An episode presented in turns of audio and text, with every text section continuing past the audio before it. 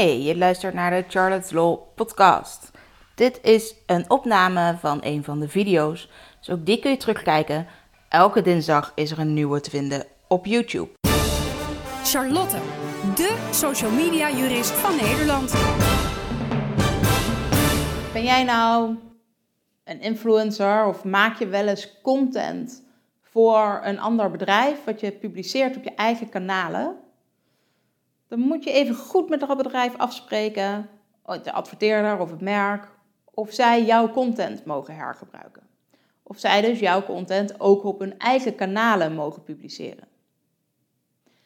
Voor jou is het in principe heel logisch. Je maakt een afspraak met dat bedrijf en je moet je eigen content maken om hen te kunnen promoten. Dus om dat merk te kunnen promoten, om iets voor die adverteerder te doen.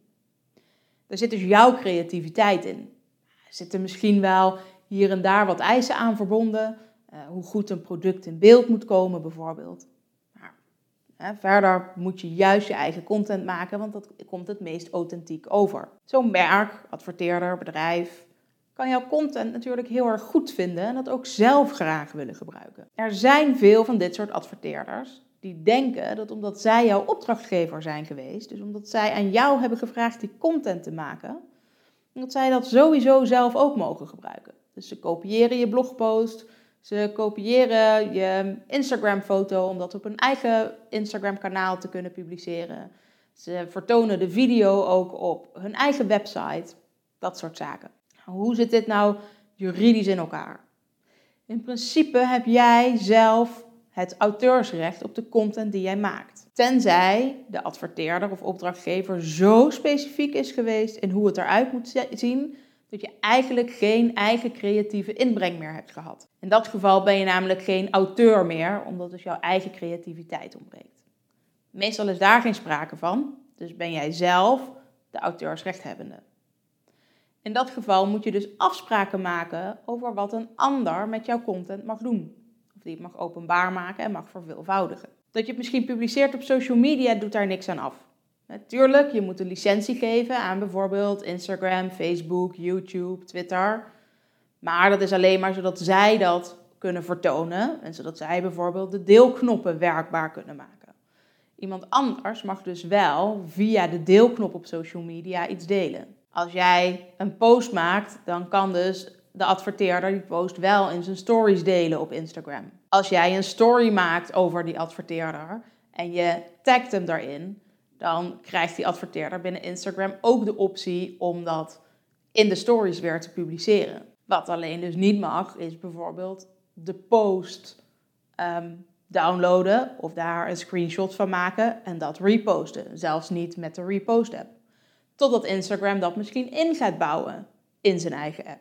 Dat is op dit moment nog niet aan de hand. Als het gaat om een blogpost of een video, werkt dat dus precies hetzelfde. Alles wat met een deelknop kan, dat mag. Dus het linkje naar de blogpost delen, dat mogen ze doen. De YouTube-video, die mogen ze dus in principe ook embedden, simpelweg omdat het kan. De YouTube-video blijft namelijk gewoon op YouTube staan, dus er komt niet een kopie van, dus dat is geen verveelvoudiging. En ja, iedereen die toch al bij jouw openbare YouTube-kanaal kon komen, die kan dus ook op die openbare website van je adverteerder komen. Dus daar wordt geen ander publiek mee bereikt, zoals we dat dan noemen. Dat kan dus ook met social media posts, die mag je ook embedden. Alleen dus het downloaden en weer uploaden of er een screenshot van maken en dat weer gebruiken, dat mag allemaal niet. Nou ja, tenzij ze het dan eventueel nog als citaat kunnen gebruiken. Dan gebruiken ze dus niet wat jij gemaakt hebt, seks zoals het is, maar maken ze bijvoorbeeld een blogpost over hoe succesvol hun eigen campagne is geweest en dan als voorbeeld laat ze dan een foto van jou zien. Nou, dus wat mag de adverteerder doen met jouw content? In de basis hebben ze overal toestemming voor nodig. Maar ze mogen content wel embedden. Dat geldt bijvoorbeeld voor YouTube-video's en dat kan met alle afbeeldingen van social media bijvoorbeeld met tweets.